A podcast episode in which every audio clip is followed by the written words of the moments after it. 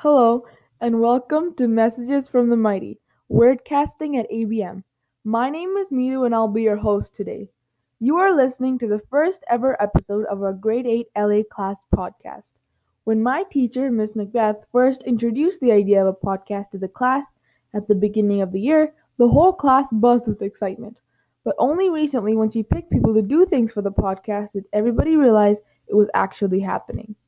This year, Miss Macbeth wanted our writing pieces to be for a real audience, so our writing had a purpose.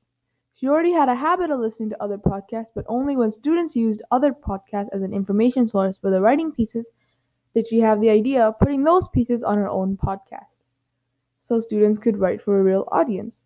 While I was still thinking about how I could contribute to the podcast, Miss Macbeth called me up and asked me to be the producer. I had no idea what that meant I had to do, but I said yes anyways. I think I just said yes because I didn't want to say no to the teacher. I didn't really see it as a choice. At first, it didn't seem hard. It was actually really fun to be the boss and make sure everyone was on track.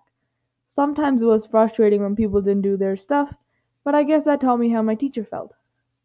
I was really surprised because I was sure that I would end up regretting my decision.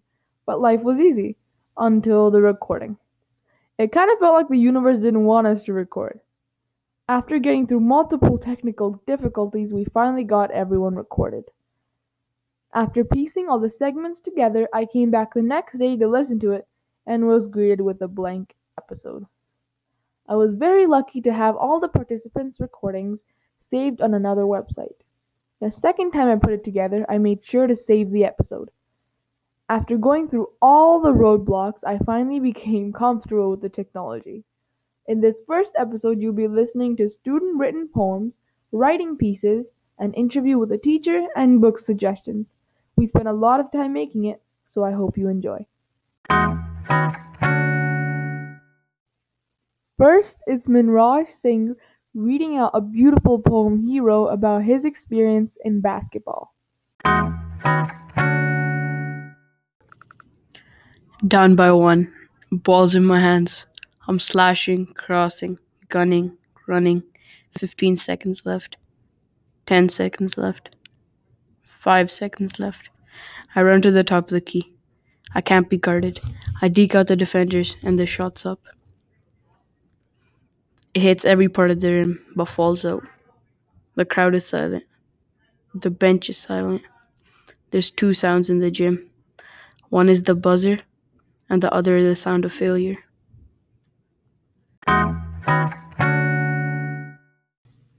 My favorite part was the ending. But now we have our first part of the I Mean No section. Dana Med talks about her experience with racism and how her opinion on it has changed over the years. I'm Dana, and I was about six years old when I realized the color of your skin matters to some people. I was in a gift shop getting something for my mom, and when I got up to the till with a white girl working the register, she told me the total amount. So when I handed her the money, she pointed down, and signaling that she wanted my money on the counter instead of me putting it in her hand. When she was giving my change back, she also put it on the counter instead of my hand. I picked up my money and started to walk away, but took a glance back to see if she would do the same thing to the lady behind me. She didn't. The lady behind me was white. I almost felt like I was lower than this woman because my skin was darker than hers.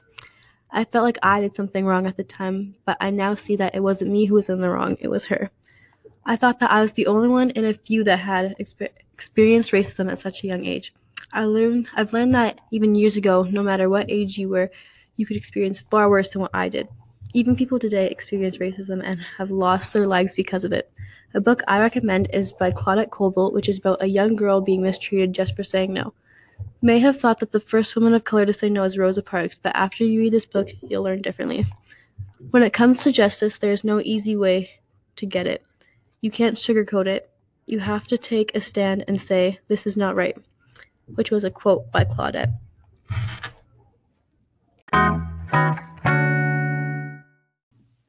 The second part of our I Mean to Know section is Arpit Sandhu talking about school shootings, what they are, and his opinion on them. School shootings. What is a school shooting? A school shooting is an attack on an education institution such as a school or a university with the use of a firearm. I came home from school like any other day, opened Snapchat to learn 17 innocent kids and adults were killed. Their school went into lockdown and an armed man entered the building on Valentine's Day to see what happened to those 17 people in a place where they should never feel unsafe. I thought, what if that happened to my school? How would I feel? Actions are needed to be taken doing background checks. Have better gun laws. Stop letting kids who cannot legally buy alcohol buy guns. President Donald Trump said to give teachers guns, which I think is the dumbest thing he's ever said, and he's Donald Trump. A teacher is someone that is here to teach, not that's trained to kill. I asked my teacher if she would be comfortable with carrying a gun. She said no. She said, I am here to teach and not to be taught how to use a firearm. I live in a country where there have been school shootings, but since then we have stricter gun laws, so an 18 year old cannot buy a weapon. The reason this is important, kids have lost their lives to this. We should feel safe when we go to school. The last part of our I Mean to Know section is Ayush Patel talking about Titan, the moon of Saturn, and how he thinks human beings can make it their new home.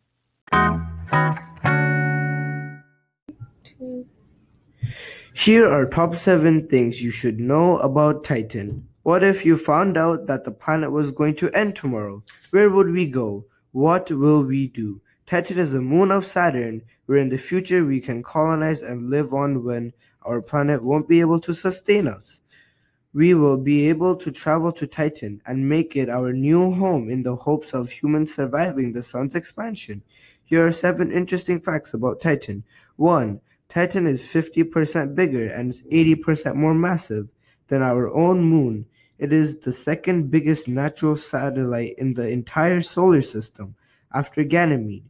In terms of size, Titan isn't that far off from Ganymede. It is similar, smaller by 2%. Titan is known as the only moon in our solar system to have a substantial atmosphere. 3. Titan is Saturn's biggest moon. 4. Titan is so big that it dwarfs the smallest planet in our solar system. 5. Titan has water. 6. If Titan was not orbiting Saturn, it would be considered a planet. 7. Titan is bigger than Earth. And in terms of how long it takes us to get to Titan, well, for some ships it takes 8 6 to 4 years, and for some ships it takes 6 years and 9 months. And for some ships it takes 4 years, depending on what ship you travel on. Last but certainly not least, Raneen Hassan interviews Mr. Wark on his reading life. Listen carefully to learn about how Mr. Wark sees white rivers on the page. First question is Did you always like reading? I hated reading. I actually loathed and despised reading. I did everything I could except read Why? because I'm a really slow reader and I kind of see words backwards. And so I don't see the middle of words. When I look at a page, I don't see the, the words that are black. I see the white rivers that mm-hmm. run in between the words. And so I could never focus on words, so I'd have to read each letter at a time. And so I was a really, really, really slow reader. So if a book didn't like jump at me right away, I just wouldn't read it. Okay. So, like, what books did you enjoy reading? When I was young, Yeah. I only read one book. Well, one series of books. There were six books. Mm-hmm. Encyclopedia Brown Boy Detective. And they were really, really thin, and the font was really, really big. And I'd read them over and over and over again. And I didn't read any other book until I was in university. So I like made up book reports. I pretended I read. I would get just enough so I could kind of get by, and I just kind of cheated my way through reading until university. And you got away with it? I got away with it. Wow. I guess I'm a good liar. Okay, so what was your favorite book like right now? Um, it's hard to say I have one favorite book. Like I, I've read a lot of books. I started with uh, the book that turned me on to reading was called "Take My Family, Please" by Gary Lawton, and it was the first book that I was sitting in my bed and I'd read a chapter and I'd laugh and laugh and laugh, and I'd put it away, and I'd say, "Oh, I want to read that again." And so I'd turn on my light and I'd go in and say, "Okay, just one more chapter." And it was the, actually the first book that actually I wanted to read that kind of got me going. And so then I started and I continued reading from then on. But it wasn't until I was, well, in university, I actually started to read for any kind of enjoyment.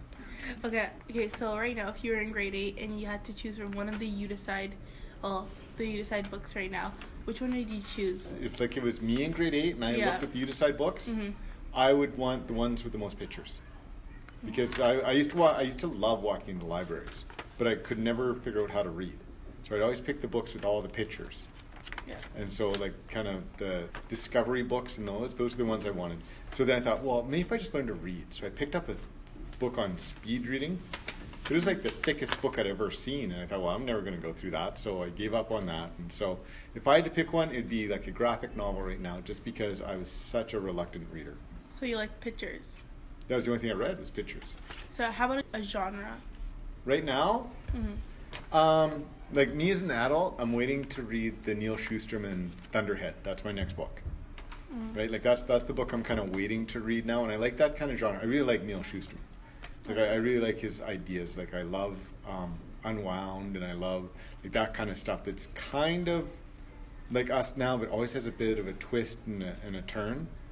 So if I had to pick one, like my next book right now, that's the kind I like, kind of that almost real, but just enough of a twist that's not quite.